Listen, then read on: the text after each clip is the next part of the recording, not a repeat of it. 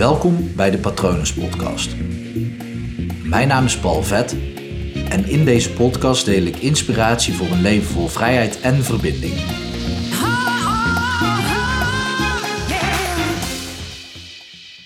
Een trauma wat je oploopt zorgt er altijd voor dat je of helemaal en meestal een deel van jezelf wordt vastgezet op dat moment in de tijd. Natuurlijk gebeuren er ook wel eens traumatische ervaringen waarbij dat niet gebeurt, maar dan loop je geen trauma op, dan verwerk je het meteen en ben je er vanaf. Tenminste, dan loop je wel een trauma op, maar doordat je er meteen vanaf bent, wordt dat punt dus niet vastgezet in de tijd. En wat dus een heel groot probleem is, een grote uitdaging voor mensen die traumatische ervaringen beleven, is, en ik heb het hier eerder over gehad, op het moment als jij met iemand in gesprek bent en je triggert iemand, je triggert dat trauma in die persoon. En dat kan het ene trauma zijn of dat kan een ander trauma zijn. Maar op het moment als die persoon getriggerd wordt en dus in een emotie schiet, dan zie je vaak de persoon veranderen of verschuiven naar de leeftijd waar dat moment is vastgezet. Want die persoon maakt dan op dat moment verbinding met volledig zichzelf of dat deel wat op dat moment is vastgezet in zijn of haar lijf. En dan zie je dus letterlijk, en dat kan gewoon prima zijn dat dat een vrouw is van 55 die je in een vingerknip ziet veranderen naar een meisje van 16, omdat daar toen iets is gebeurd. Dus dat is hele waardevolle informatie ook voor de persoon zelf, omdat als je weet wanneer het ongeveer is gebeurd, dan kan je daar iets mee. Nu ben ik geen voorstander van traumatische ervaringen volledig gaan uitdiepen in detail om er daardoor vanaf te komen. Het kan een techniek zijn, want op het moment als je na dat moment teruggaat en je zorgt ervoor dat. Vaak op het moment als je naar een, een, teruggaat naar een traumatische ervaring, dan zie je een heel klein deel van het beeld van waar het zich afspeelt. Um, je ziet een gezicht van iemand of je ziet uh, één scène, één klein deel. Op het moment dat je dan heel de omgeving erbij gaat halen, alle details, dan kan het juist gebeuren dat het trauma veel minder heftig wordt, omdat het dan opeens in een heel groot geheel plaatsvindt. Sterker nog, als je dan gaat uitzoomen, um, stel is, ik woon in Breda, stel het is in uh, een huis of op straat, op één straat in Breda gebeurd, en je zoomt uit naar de wijk, en je zoomt dan verder uit naar Breda zelf, dan en, en dan ga je ook alle details inkleuren die je dan ziet. Hè? Op het moment als je uitzoomt en je ziet dan Breda van bovenaf. Je ziet alle huizen, alle bomen, alle wegen, alle gebouwen, alle mensen die hier lopen, de lucht, um, alle, alle dieren die hier vliegen.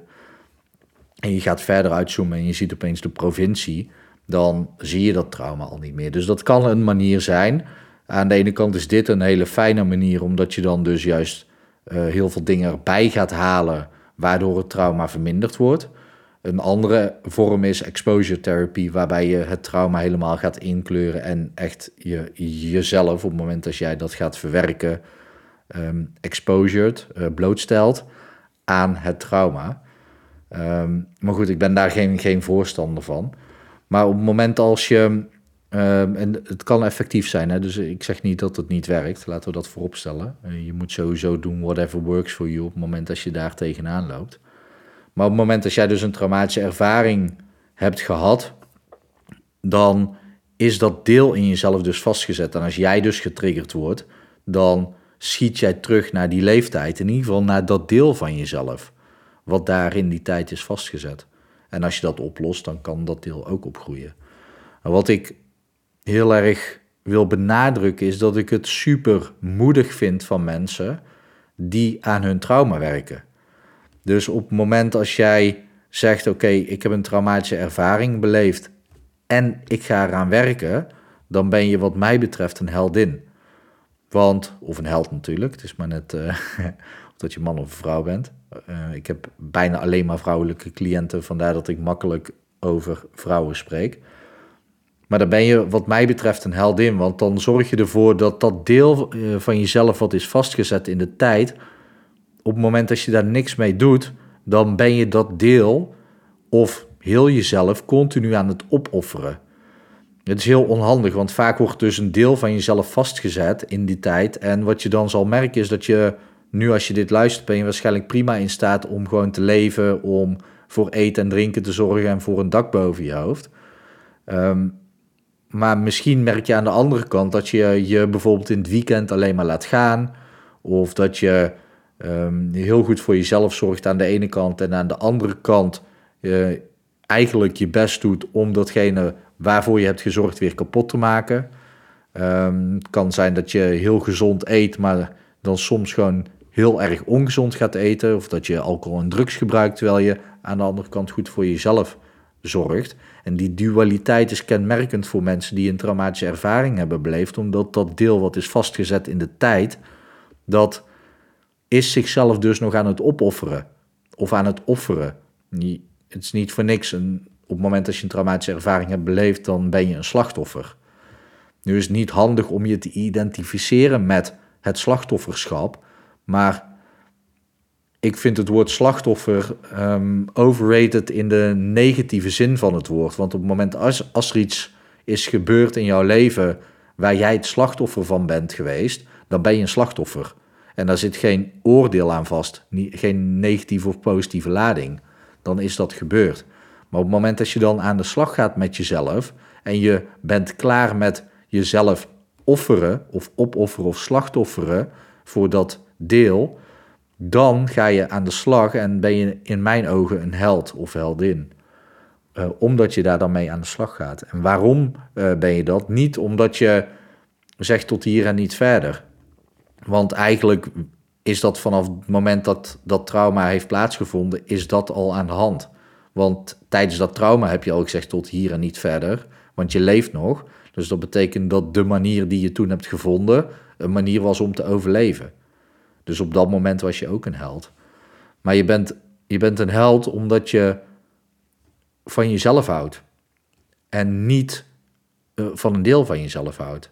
Want je kan best van dat deel van jezelf houden wat goed voor zichzelf zorgt. Maar ondertussen dat deel wat dus nog steeds in opstand aan het komen is en zichzelf aan het offeren is, afwijzen.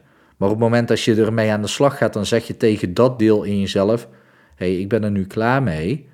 Ik hou van alles in mezelf en ik, ik wil nu gewoon dat alles in mij goed voor mezelf zorgt. En natuurlijk klinkt het een beetje gek alsof je schizofreen bent, maar dat is dus niet. Je zal vast wel eens, bijna elk mens heeft dat, dat hij meerdere kanten van zichzelf ziet en herkent, waarbij je op het moment dat jij je goed voelt, dan doe je bepaalde dingen. En op het moment dat jij je wat minder goed voelt, dan doe je andere dingen. En op het moment dat jij je wat minder goed voelt en je doet nog steeds de juiste dingen, dan hou je ook van dat deel van jezelf. Ik wil niet zeggen dat je nooit eens je boekje te buiten kan gaan natuurlijk. En dat is ook gewoon gezond om niet alleen maar zwart-wit te denken. Maar op het moment dat jij een trauma hebt beleefd en dat deel is dus vastgezet in de tijd en jij zegt oké, maar ik hou ook van dat deel, in het hier en nu, maar wel terugkijkend naar waar dat is vastgezet, dan heb je een stap gezet in de richting van zelfliefde, zelfcompassie, houden van het zelf, jezelf. En dan dus ook die zelf delen waar dat trauma in is beleefd. En ik heb dat in de vorige aflevering al uitgelegd dat je, dat je echt daarvan mag houden, omdat je op dat moment gewoon geen andere keuze had. Je hebt een manier gevonden om te overleven. En daar mag je trots op zijn. Mag je jezelf dankbaar voor zijn. Mag je jezelf ook voor vergeven. Want het kan dus zijn dat je boos bent op de manier waarop. Maar weet altijd dat jouw onbewuste kiest op dat moment de beste optie die op dat moment voorhanden is.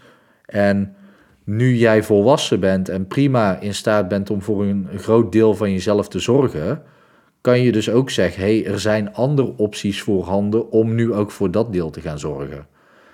En op, de, op het moment dat jij dat gaat doen, dan, ja, dan ga je nog meer houden van alles in jezelf. En dan, dan zal zelfhaat, zelfpijniging, schaamte, uh, je niet goed genoeg voelen, dat soort dingen zullen allemaal verdwijnen als sneeuw voor de zon. Die smelten voor het licht wat jij schijnt op jouw eigen trauma. En ja, niet op jouw trauma, maar op het deel van jezelf wat dat trauma heeft beleefd en dus nog vasthoudt.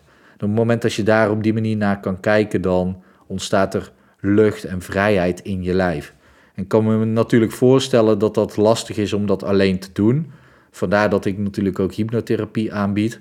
Dit is precies het ding waar ik het meeste, ja, waar ik graag mensen het, het, het liefste mee wil helpen. Omdat die blokkade raakt mij als ik dat zie bij mensen. En het is zonde, want het is niet meer nodig om nog steeds vast te blijven zitten op dat punt in je leven. En het is zonde als je wel al voor een groot deel goed voor jezelf zorgt, dat een klein deel daar misschien zelfs wel mee in gevecht is. Dus wil niet eens zeggen dat die niet voor zichzelf zorgt, maar die kan zelfs het voor jezelf zorgen ehm, aanvallen. En ervoor zorgen dat jij dus gewoon echt duaal leeft, waarbij de dualiteit gewoon niet handig is. Vaak is dualiteit super handig um, om te groeien. Al heb ik hier ook uh, iets over gezegd in de podcast over verdeeldheid. Um, ook hier geldt dat zo. Op het moment dat jij de dualiteit inzet om je op het grotere geheel te richten, namelijk blokkadevrij, remvrij, volledig vrij, gewoon vrijheid en ontspanning, dan, dan kan je die stappen ook zetten. Maar weet dat als je deze podcast luistert omdat je zelf een traumatische ervaring hebt beleefd en daar dus mee aan de slag aan het gaan bent, dan vind ik jou een held of heldin. En ja, wees je ervan bewust dat als je dat doet, dat je dan ook al meteen kunt zeggen: Ik hou volledig van mezelf. Want anders zou je die stappen niet zetten. En de weg van compassie en zelfliefde, dat is de eerste stap om van je trauma's af te komen. Door te zeggen: Ik hou van alles wie ik ben, van wat ik ben. Ik ben precies goed zoals ik ben. En dat is altijd super belangrijk om te onthouden. Goed, mocht je hier meer over willen weten of vragen over hebben, stuur me een mail naar patronen.palvet.com. Je kan natuurlijk ook even op www.hypnopal.nl kijken om te zien wat ik voor jou kan betekenen. Ik hoop natuurlijk dat het goed met je gaat en ik hoop ook dat het goed gaat met dierbaren van je. En ik wens je nog een hele mooie dag toe.